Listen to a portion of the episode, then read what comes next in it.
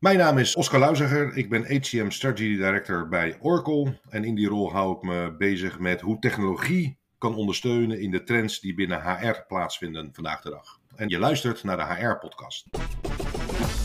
Dit is de HR-podcast van HR Academy en HR Praktijk over innovaties met impact op human resources management.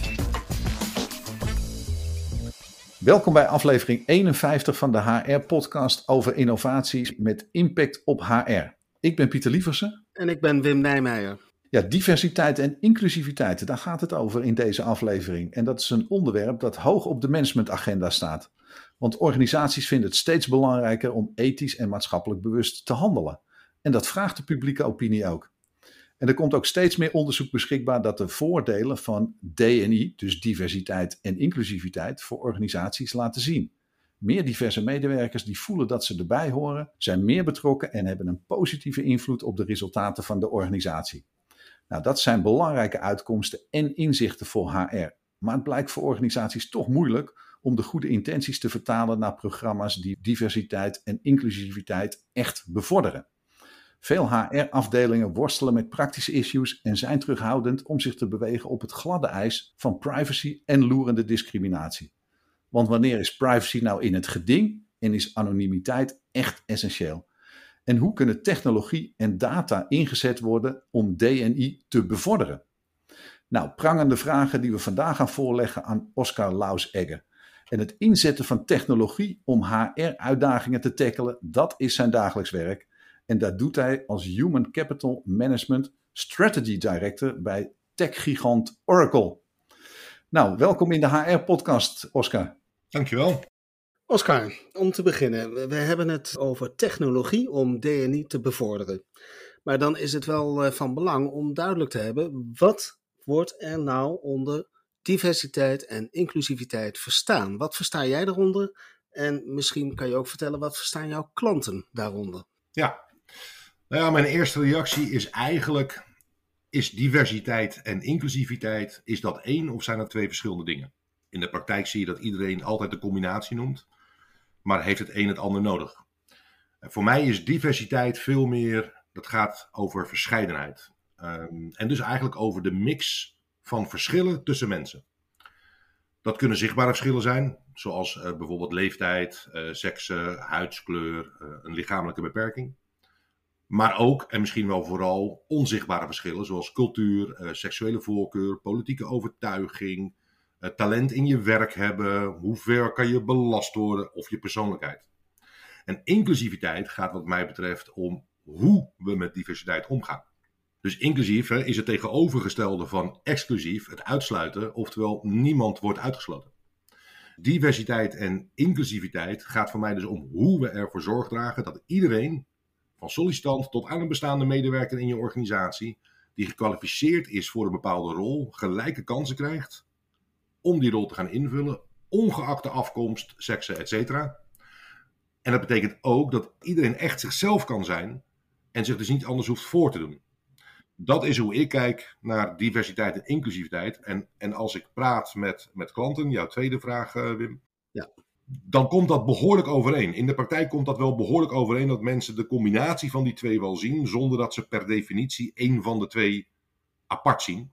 Maar het gaat er met name om dat mensen zien dat iedereen mee moet doen. In de praktijk is het wel vaak zo dat we daar nog heel bazaal mee bezig zijn. Man-vrouw. Of gekleurd of niet gekleurd maar veel minder over hoe jij bent als mens, als persoon, uh, of inderdaad je politieke voorkeur, die natuurlijk mega impact kan hebben op het wel of niet aangenomen worden in een bepaalde omgeving, of het wel of niet kunnen functioneren in een bepaalde omgeving. En organisaties die eh, zijn bezig met DNI, daar wordt algemeen van verondersteld, die gaan ook betere resultaten halen. Dat is eigenlijk het, het, het grote voordeel van een bewust DNI-beleid. Waar liggen die resultaten dan? Ja, je mag je natuurlijk afvragen of dat het grote voordeel is um, van het DNI-beleid. Een bedrijf zal zeggen ja, maar dan gaat het weer puur over geld. Terwijl ik denk dat, uh, dat het feit dat het financieel goed kan gaan met een organisatie een hele goede en mooie bijkomstigheid is van uh, een DNI-programma. Maar dat het natuurlijk veel meer gaat over het iedereen in de wereld, in dit geval iedereen in je organisatie, meenemen en vrijheden geven om zich te ontwikkelen in jouw organisatie. Maar dat het zo is, uh, Wim, dat is absoluut waar. En dat hebben ook studies uitgewezen. Bijvoorbeeld een, een grote studie van PwC, die duidelijk laat zien dat er financiële impact is. Doordat bedrijven een heel goed DNI-programma hebben. En dat is misschien raar en misschien ook niet zo heel raar. Het komt door de diversiteit van de samengestelde teams. Op het moment dat ik met gelijkgezinden aan het brainstormen ben, die exact hetzelfde denken als ik, dan weet ik het antwoord wel. Dat kan ik in mijn eentje namelijk ook verzinnen. Zie je het maar als dat je zelf met een complex probleem zit thuis in je werkkamer. In de huidige wereld zitten we nogal vaak thuis in onze werkkamer. Dan kom je best moeilijk uit een bepaalde loop. Maar op het moment dat wij met verschillende achtergronden mensen bij elkaar zetten, dan komen er verschillende insteken op het oplossen van het probleem. En 9 van de 10 keer is het samenvoegen van die diverse insteken de beste oplossing. Dus wat je vaak ziet is dat mensen slimmer zijn in een diversiteitsgroep om keuzes te maken over hey, waar moeten we naartoe gaan. En, maar je ziet ook dat mensen daardoor creatiever worden, omdat er vanuit allerlei verschillende hoeken ook nieuwe innoverende ideeën komen. Nou, de combinatie van breder kijken naar een probleem en zoeken naar de oplossing met het creatief out of the box denken, als je dat zo mag zeggen, van mensen uit verschillende achtergronden, dat brengt eigenlijk die driver. Wat niet geheel onbelangrijk is in mijn optiek, is dat een consument kijkt, zeker vandaag de dag, naar is een bedrijf divers en inclusief. En dus misschien ook wel minder bereid is om geld uit te geven bij een bedrijf die tegen die principes ingaan, of niet voldoen aan die principes, dan bij een bedrijf die dat wel doet. Dus het heeft denk ik ook gewoon puur te maken met blijf ik relevant voor hè, het marktgebied waar ik aan af wil zetten, in welke vorm als organisatie dan ook. En geldt dat dan voor zowel profit als non-profit? Nou ja, de basisprincipes ja. Maar zodra we natuurlijk over de revenue, over de omzet gaan praten, is het antwoord natuurlijk nee. Uh, uiteindelijk, als ik een, nou laat ik een heel gek voorbeeld noemen, als ik een nieuw rijbewijs nodig heb, zal ik toch echt bij mijn gemeente moeten komen of ze nou divers en inclusief zijn of niet. Daar, heb ik weinig keuze in. Ik zou hooguit de keuze kunnen maken om niet naar het gemeentehuis te gaan, maar het online aan te vragen. Dus ik denk dat voor non-profit slash lokale overheden, centrale overheden, dat iets anders geldt. Tegelijkertijd zie je dat hun wel heel erg bewust bezig zijn vanuit die maatschappelijke discussie. Om heel erg divers en inclusief te zijn. Bij de commerciële bedrijven, daar zie je dat duidelijk. Uh, Jij noemde zelf al uh, dat er veel onderzoek is gedaan. Je noemde PwC heeft onderzoek gedaan. Jij komt zelf bij uh, veel organisaties over de vloer. En dan zie je dat uh, DNI hoog op de managementagenda staat. Kan je ons aangeven wat de stand van zaken is nu? Ja, die is, om hetzelfde woord maar te gebruiken, heel divers. Um, en dat is eigenlijk best, best vervelend. Kijk, het is best lastig om even snel dat, dat, dat toe te lichten. Maar je, je ziet wel dat heel veel bedrijven, of bijna elk bedrijf waar ik kom, maar ook kleinere bedrijven, uh, middenstandsbedrijven, ehm, maar misschien zelfs wel VOF'en met, met vier of vijf man personeel. Je ziet echt wel dat iedereen vandaag de dag praat over diversiteit en, en inclusiviteit. Maar je ziet ook hele grote verschillen. En je ziet bedrijven, denk ik, best wel met tussen haakjes worstelen uh, met, het vraag, met vraagstukken rondom diversiteit en inclusiviteit. En niet omdat ze het niet belangrijk vinden, maar omdat ze niet zo goed weten uh, wat en hoe ze dit moeten doen, aanpakken, oplossen. En er zijn ook best wel veel bedrijven die ook denken dat diversiteit en inclusiviteit toch niet voor hun geldt. Of die vooral bijvoorbeeld kijken naar de verdeeldheid tussen man en vrouw. En niet verder dan dat. Maar diversiteit nou ja, slaat eigenlijk, zoals we net al een beetje zeiden, op veel meer. En bedrijven vinden het spannend om daar specifiek naar, naartoe te kijken. Moet je nou, als je gaat solliciteren, je gaan richten op die onzichtbare verschillen van inclusiviteit? En hoe doe je dat dan? En mag dat dan? Mag ik gaan vragen of kijken of denken dat iemand een bepaalde politieke voorkeur heeft om het maar zo veilig mogelijk te houden? En kan ik daar dan op gaan inspringen of niet? Terwijl ik misschien wel vanuit alle politieke stromingen mensen in mijn organisatie wil hebben om een zo breed mogelijk draagvlak uh, te creëren. Terwijl als je het eigenlijk omdraait, uh, is het misschien wel veel eenvoudiger. Hè? Zoek naar de juiste persoon binnen of buiten je organisatie, zonder dat je weet wie het is. En als je zoekt breder dan eigenlijk een beetje de, de gebaande paden, om het zo maar te zeggen, wat veel organisaties vandaag de dag nog doen, dan kom je ook verder. Met andere woorden, je ziet organisaties die heel erg bezig zijn met een echt DNI-programma. Je ziet ook organisaties die daar ook echt quota op leggen. Dus echt zeggen, ik wil een bepaald percentage man-vrouw hebben. Niet alleen in de top, wat wettelijk moet bij, bij bedrijven, maar ook in de lagen daaronder, om het zo te zeggen. Maar ook kijken naar etnische afkomst. Proberen te kijken naar geloofs, geloofsovertuiging. Proberen te kijken naar het feit of iemand wel of niet gehandicapt is. Niet omdat je daarmee uh, een subsidie zou krijgen, maar juist om die afspiegeling van de maatschappij uit te halen. En aan de andere kant zien we bedrijven worstelen en denken van ja, maar mag dat? Kan dat? Hoe doe ik dat? En, en, en ga ik dan niet andere werknemers in mijn organisatie tegen het zere been aan, aan schoppen, omdat ik toevallig andere mensen ga aannemen dan het profiel wat we tot nu toe altijd gedaan hebben? En is die verdeling ook 50-50 tussen die bedrijven? Zij die al een behoorlijk uh, goed uitgewerkt programma hebben en zij die er nog over spreken? Nee, bij lange na niet, uh, Pieter. Wat je eigenlijk ziet in de praktijk, en, en uh, als ik bijvoorbeeld naar de PwC-studie kijk, en die is wereldwijd gedaan, dus niet per definitie representatief voor Nederland. Aan de andere kant, de wet van de grote getallen zal laten zien dat het wel zo is. Nog geen 5% heeft een echt uitgekiend, doelmatig en efficiënt DNI-programma lopen. Waar ze niet alleen zeggen dat ze wat doen, maar dat ze ook daadwerkelijk daar actie op nemen. Terwijl uh, een groot gedeelte, grofweg de helft, eigenlijk niet meer heeft gedaan dan wat wettelijk zou moeten. En daar houden we bij op. Dus je ziet daar een heel groot verschil in. En ik denk ook als je kijkt naar, uh, naar welke doelgroep hebben we het over. Dan hebben we het over de enterprises, de grote bedrijven, de multinationals. Hebben we het over de MKB of uh, de, de lokale centrale overheid. Daar zitten verschillen in. Als je naar de MKB kijkt, dan denk ik dat hoe kleiner de organisatie wordt, of hoe meer een organisatie misschien nog wel vanuit familieomstandigheden is opgericht, hoe minder er naar gekeken wordt. Niet omdat men dat niet wil, maar omdat men met andere dingen bezig is dan puur dat. En ik denk dat dat trouwens de belangrijkste is, hè, dat bedrijven er nog niet zo heel erg goed mee bezig zijn. Niet omdat ze niet willen, maar onbewust omdat ze denken dat het eigenlijk niet relevant is voor hen. Ja. En het komt niet omdat bijvoorbeeld de boardroom of de leiders niet divers genoeg zijn. Absoluut wel. nou ja, bij, bij, bepaalde bedrijven natuurlijk wel, uh, Pieter. Kijk, als ik een eigen organisatie heb, uh, ik heb een eigen bedrijf, ben ik gestart x jaar geleden. Ja, op het moment dat ik ben gaan groeien, 20, 30 jaar geleden, dan, dan, dan zoek je mensen om je heen die jou aanvullen, maar vaak wel in je eigen kring. Dus eh, die, die organisaties die op die manier zijn ontstaan, die doen dat niet bewust en die, die zijn niet aan het discrimineren. Uh, op papier misschien wel, maar zeker niet in hun hoofd. Maar kijken wel heel vaak naar mensen die echt passen in mijn profiel. Bij de grotere bedrijven, de multinationals, uh, de, de, de enterprise bedrijven zoals we dat dan noemen. Daar zie je eigenlijk dat een, een gedeelte het doet omdat het moet. Hè, dus op papier voor de bühne. Een gedeelte is er echt, echt heel serieus in. Uh, en zijn, uh, zijn er ook echt, echt mee bezig. Ook, ook wij als Oracle zijn heel erg uh, gefocust op dat we zorgen dat we een zo breed mogelijk afspiegeling krijgen van onze doelgroep. En onze doelgroep is de wereld. Dus wij proberen ook zo divers mogelijk qua mensen te zijn. -hmm. En, en bij die grotere organisaties, dan komen natuurlijk ook HR-afdelingen meer in het spel dan natuurlijk bij MKB-bedrijven. Hoe taxeer jij de vrees voor het schenden van privacy of de vrees voor de AVG-wetgeving? Is die ook remmend in de voortgang om goede DNI-programma's te maken?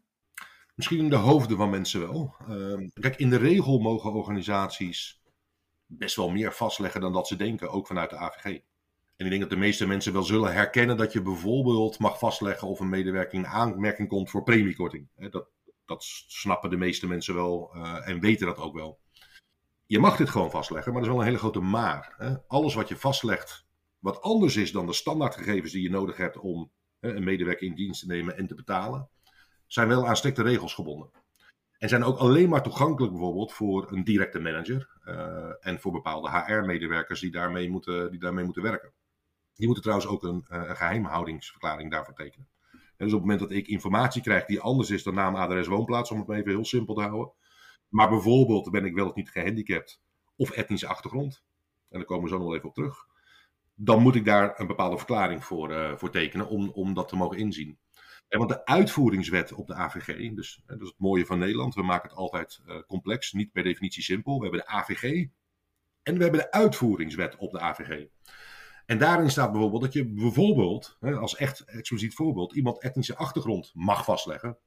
Als het doel is van dat vastleggen om eventuele nadelen, op basis van discriminatiegronden, om die op te heffen.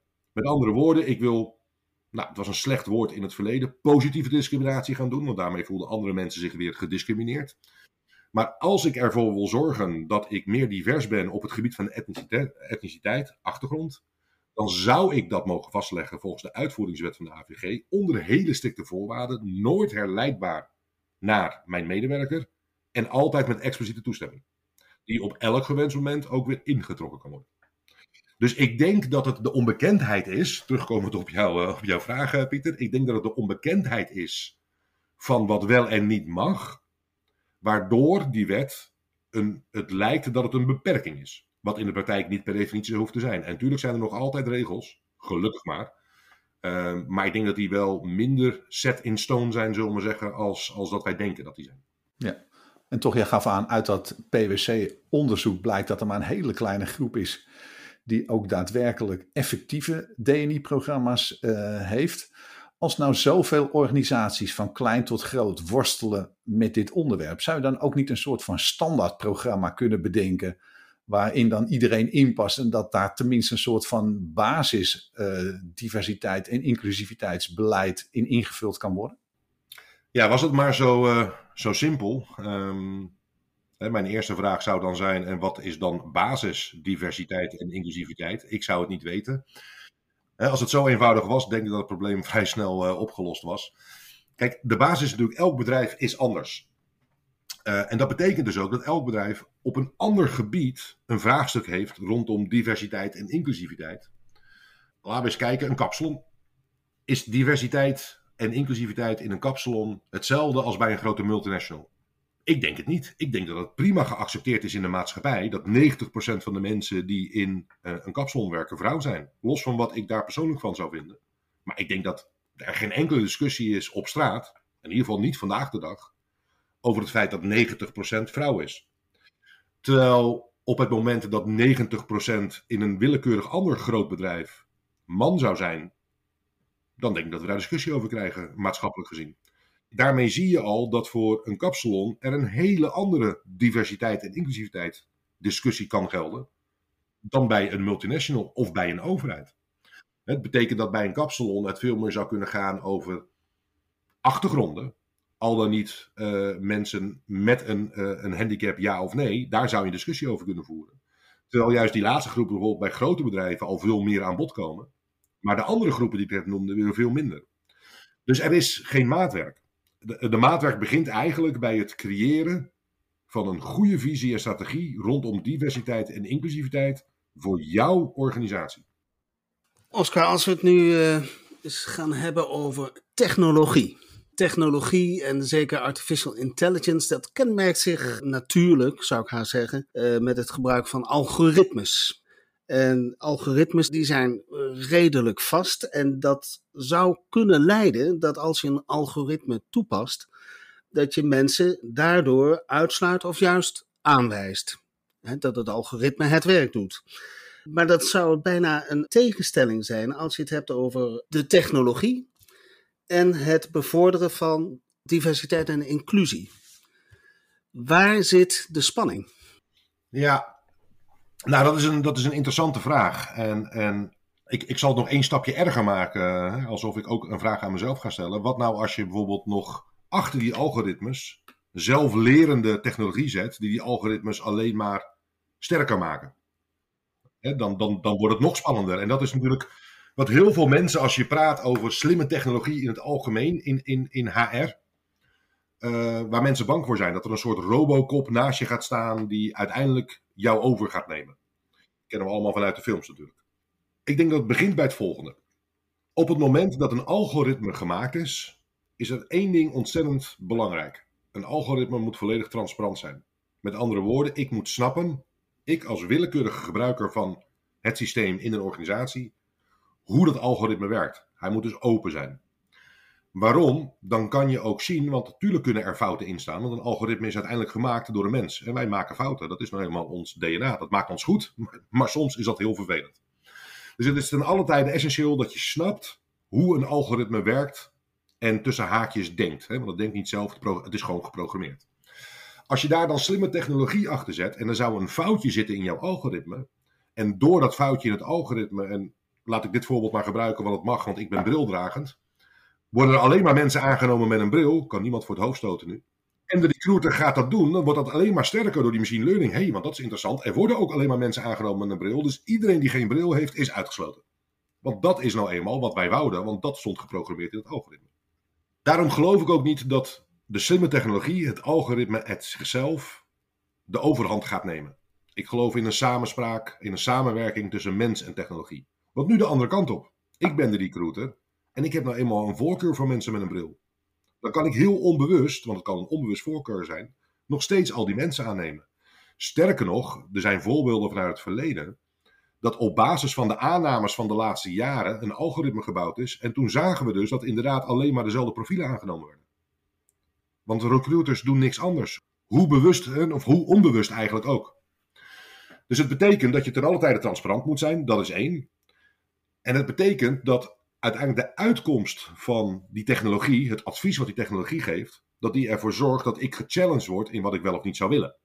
Maar dat technologie eigenlijk dus een beperking daarin zou zijn, dat, dat, dat is in mijn optiek niet aan de orde. Ik denk dat de mens net zo beperkend is, zo niet beperkender, dan technologie. Want technologie zal uiteindelijk nooit een mening vormen. Technologie zal uiteindelijk zeggen: Oh, ik moet naar links. Dus ik ga naar links. Terwijl jij en ik kunnen denken op hetzelfde moment: Nou ja, ik moet wel naar links, maar ik heb veel meer zin naar rechts. Ga stiekem naar rechts. Soms, by the way, heel erg handig. Soms zou je willen dat we heel snel kunnen schakelen. Maar heel vaak is dat een onbewuste keuze die niet per definitie is wat het bedrijf zou willen. Snapt onze doelgroep, de HR-professional, snappen die dat? Kunnen die zich in een algoritme inleven? Jawel, jawel. Want daarmee zou je de HR-medewerker tekort doen die diezelfde algoritmes in zijn privéleven ook gebruikt. Want dit is natuurlijk een hele andere interessante discussie en vraagstuk.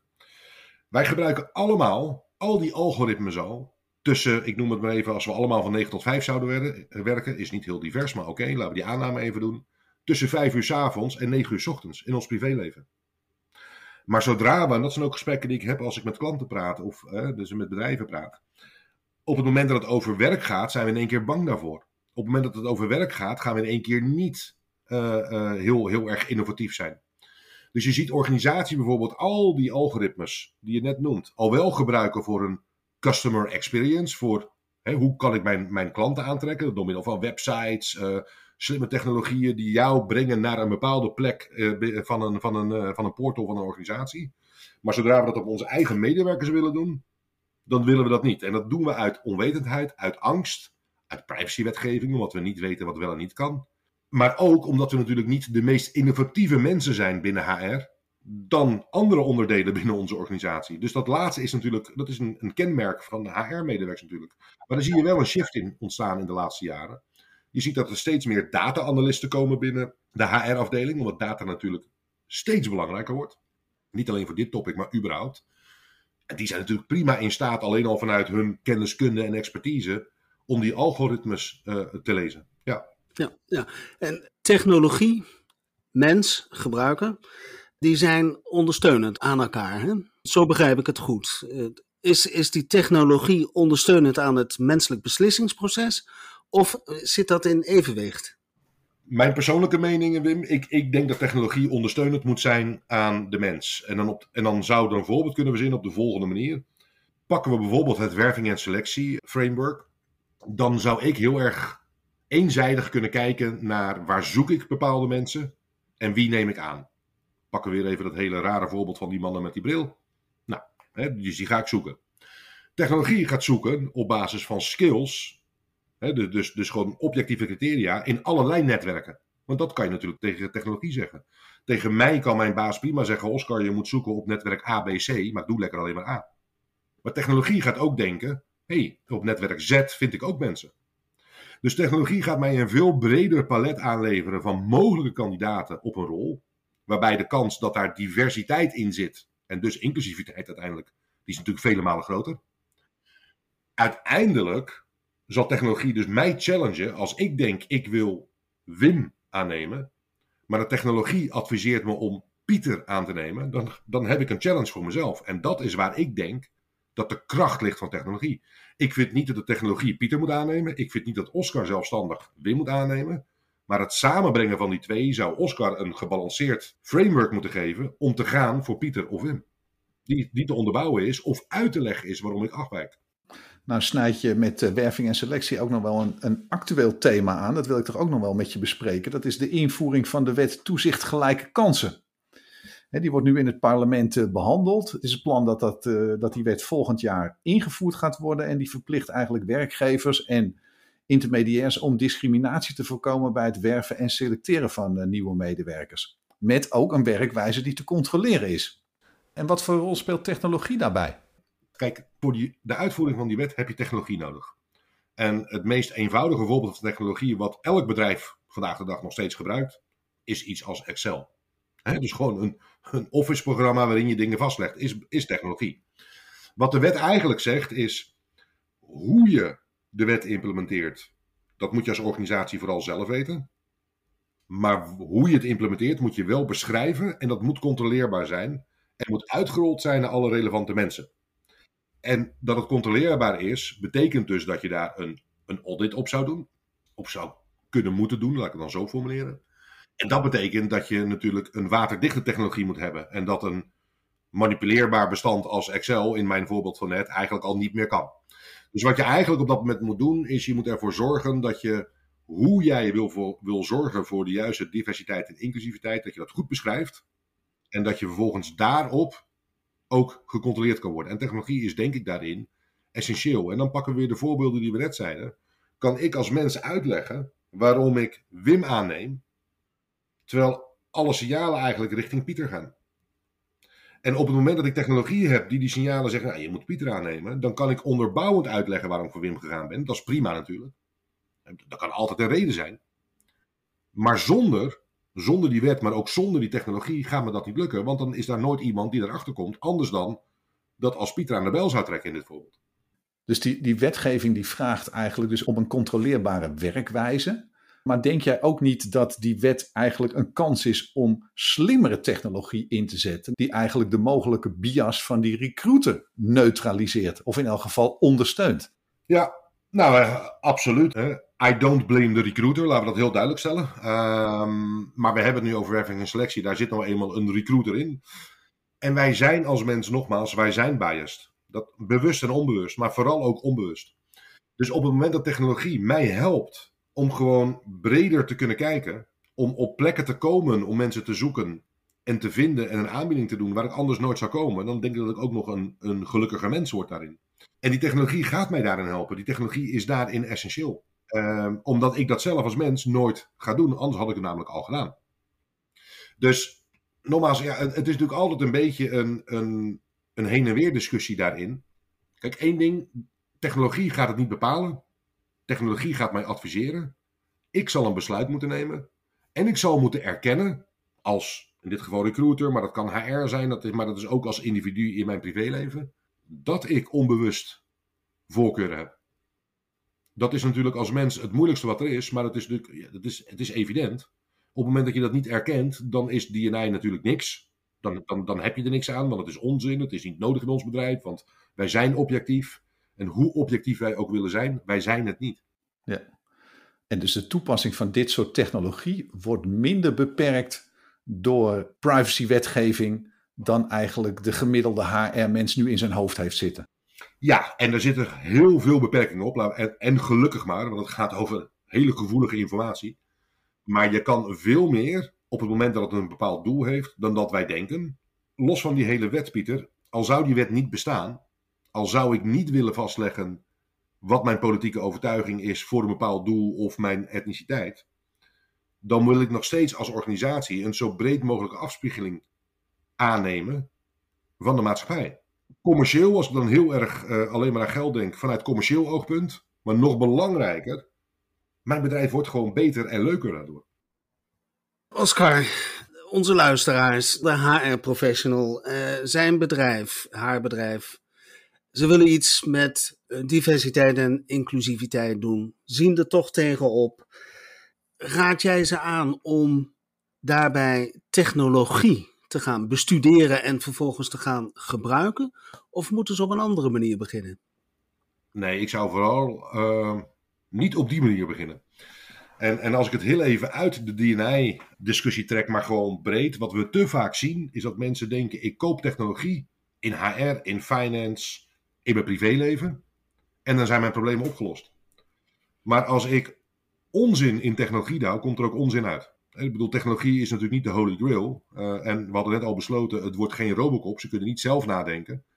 Dus je zal ergens anders moeten beginnen. Dus mijn advies zou zijn, enerzijds als je morgenochtend uh, gaat beginnen. Is er binnen jouw organisatie een diversiteit- en inclusiviteitsprogramma? Zo ja, wat is dat dan? Wat zijn de doelstellingen van mijn organisatie? En hoe kan ik vanuit mijn rol daar een bijdrage in leveren? Of is er nog geen programma? Nou, dat zijn twee verschillende aanpakken. In het eerste zou je goed kunnen kijken hoe technologie jou kan helpen om aan die doelstellingen die je als organisatie hebt neergezet, om daaraan te gaan voldoen. Daar hebben we het net over gehad. Maar in het tweede, dat is eigenlijk de vraag die jij stelt, is de oplossing niet, oh dan ga ik morgen een tool kopen en dan ben ik klaar. Nee, dan, dan zal ik als organisatie eerst een, een visie en strategie moeten gaan schrijven, bouwen over diversiteit en inclusiviteit, de waarom, de hoe en de wanneer. En dan kan je gaan kijken, als dat uitgerold is binnen, qua draagvlak binnen je organisatie, en hoe gaat technologie, maar ook al mijn medewerkers, mij daarbij helpen? De grootste fout die mensen kunnen maken is denken: ik koop technologie en daarmee zijn mijn problemen klaar. Ja. Nou, dat is ook een heldere uitspraak uh, zo aan het einde van deze podcast, uh, Oscar. Dank je wel daarvoor, want de tijd zit er alweer op. Oké. Ja, bedankt dat je te gast wilde zijn om uh, ons en de luisteraars een heldere kijk te geven op het gebruik van die technologie om diversiteit en inclusiviteit te bevorderen. Ja, graag gedaan. En daarmee zijn we dus aan het einde van weer een aflevering van de HR-podcast over innovaties met impact op HR. En ik wil je vragen of je wilt reageren op deze aflevering. Vind je de HR-podcast leuk? Geef dan een 5-sterren review op Apple Podcast. Daarmee kunnen andere HR-professionals deze podcast makkelijk vinden. En als je suggesties hebt voor gasten voor een volgende aflevering, stuur dan een e-mail naar redactie.hrpodcast.nl. Bedankt voor het luisteren en tot de volgende HR-podcast.